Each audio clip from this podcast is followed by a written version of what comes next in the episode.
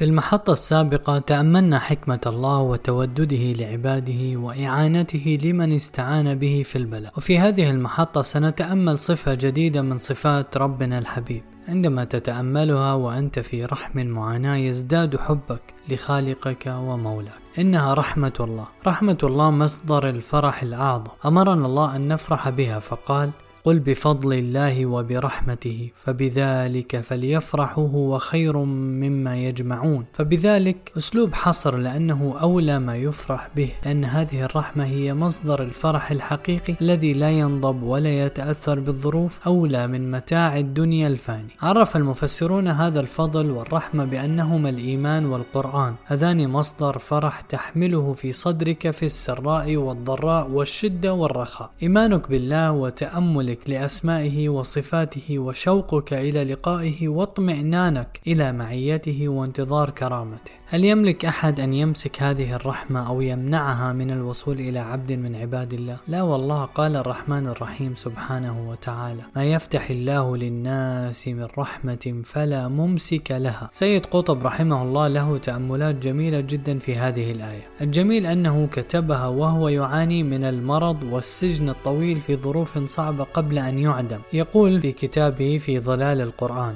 أن هذه الآية حين تستقر في القلب تحدث تحولا جذريا في مشاعر الإنسان وموازينه فتيأسه من كل رحمة في الأرض وتعلقه برحمة الله. تلك الرحمة التي يستشعرها قلب المؤمن في كل وضع ولو فقد كل شيء فمن أنعم الله عليه بهذه الرحمة ينام على الشوك إذا هو مهاد لين. بينما إذا فقد رحمة الله ينام على الحرير فيجده شوكا. لأنه تعالى قال في الآية نفسها وما يمسك يعني من الرحمة فلا مرسل له من بعده. فإن أمسك الله رحمته عن عبد فقوى الأرض كلها لا تعارض مشيئة الله ولا تنزل رحمته بهذا العبد. فمن أنعم الله عليه بالرحمة فإن ينابيع السعادة والطمأنينة تنبع في نفسه نفسه وإن كان في غياهب السجن ورحم المعاناة.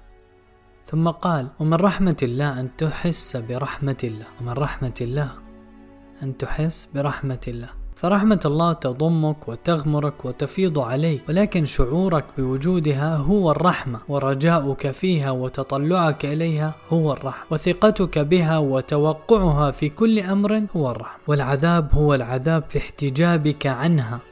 أو يأسك منها أو شكك فيها وهو عذاب لا يصبه الله على مؤمن أبدا إنه لا ييأس من روح الله إلا القوم الكافر. ورحمة الله لا تعز على طالب في أي مكان ولا في أي حال. وجدها إبراهيم عليه السلام في النار ووجدها يوسف عليه السلام في الجب كما وجدها في السجن؟ وجدها يونس في بطن الحوت. في ظلمات ثلاث ووجدها موسى عليه السلام في اليم وهو طفل مجرد من كل قوة ومن كل حراسة كما وجدها في قصر فرعون وهو عدو له متربص به ويبحث عنه. وجدها أصحاب الكهف في الكهف حين افتقدوها في القصور والدور. قال بعضهم لبعض فأووا إلى الكهف ينشر لكم ربكم من رحمته. وجدها رسول الله صلى الله عليه وسلم وصاحبه في الغار والقوم يتعقبونهما ويقصون الآثار. ووجدها كل من آوى إليها يأسا من كل ما سواه أي طمأنينة وأي قرار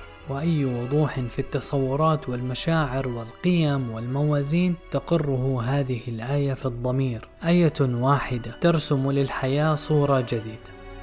وتنشئ في الشعور قيما لهذه الحياة ثابتة. وموازين لا تهتز ولا تتأرجح ولا تتأثر بالمؤثرات كلها. إذا أخي أيا كان بلاؤك ومهما كانت شدته اطلب رحمة الله وستجدها ثم قال سيد قطب رحمه الله هنا أنقل قوله باختصار ويبقى أن أتوجه أنا بالحمد لله على رحمة منه خاصة عرفتها منه في هذه الآية. لقد واجهتني هذه الآية في هذه اللحظة وأنا في عسر وجهد وضيق ومشقة. واجهتني في لحظة جفاف روحي وشقاء نفسي وضيق بضائق وعسر من مشق. ويسر الله لي أن أطلع منها على حقيقتها وأن تسكب حقيقتها في روحي كأنما هي رحيق أرشفه وأحس سريانه ودبيبه في كياني. حقيقة أذوقها لا معنى أدركه فكانت رحمة بذاتها. أي هذه الآية بحد ذاتها أحسها رحمة خاصة له من الله في لحظة عسره تلك. وقد قرأتها من قبل كثير مررت بها من قبل كثيرا ولكنها اللحظة تسكب رحيقها وتحقق معناها وتنزل بحقيقتها المجردة وتقول ها أنا ذا. نموذجا من رحمة الله حين يفتحها فانظر كيف تكون. إنه لم يتغير شيء مما حولي ولكن لقد تغير كل شيء في حسي. إنها نعمة ضخمة أن يتفتح القلب لحقيقة كبرى من حقائق هذا الوجود. كالحقيقة الكبرى التي تتضمنها هذه الآية.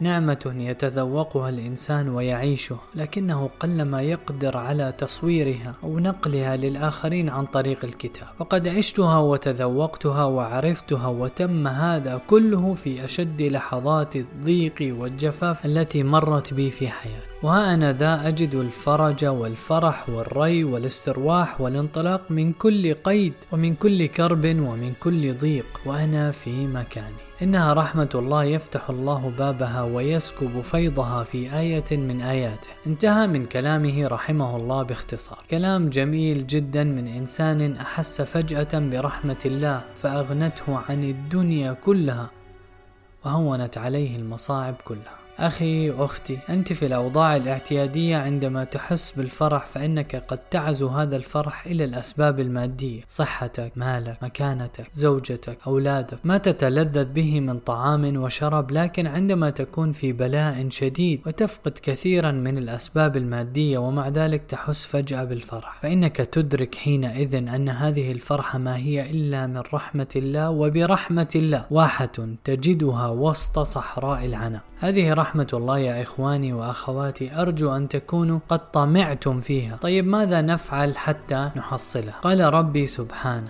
إن رحمة الله قريب من المحسنين. كن من المحسنين. الواحد منا عادة إذا وقع في مشكلة ينشغل بنفسه وبمشكلته وبكيفية التخلص منها ويتحسر على ما فاته ويخاف من المستقبل. ننسى في هذه اللحظات الحرجة أن نكون من المحسنين لنستأهل رحمة الله. إن رحمة الله قريب من المحسنين. ما أجمل أن يصبح الخير فيك سجية وطبعا فتجد نفسك تحسن وتفعل الخير تلقائيا وأنت في أحرج الظروف.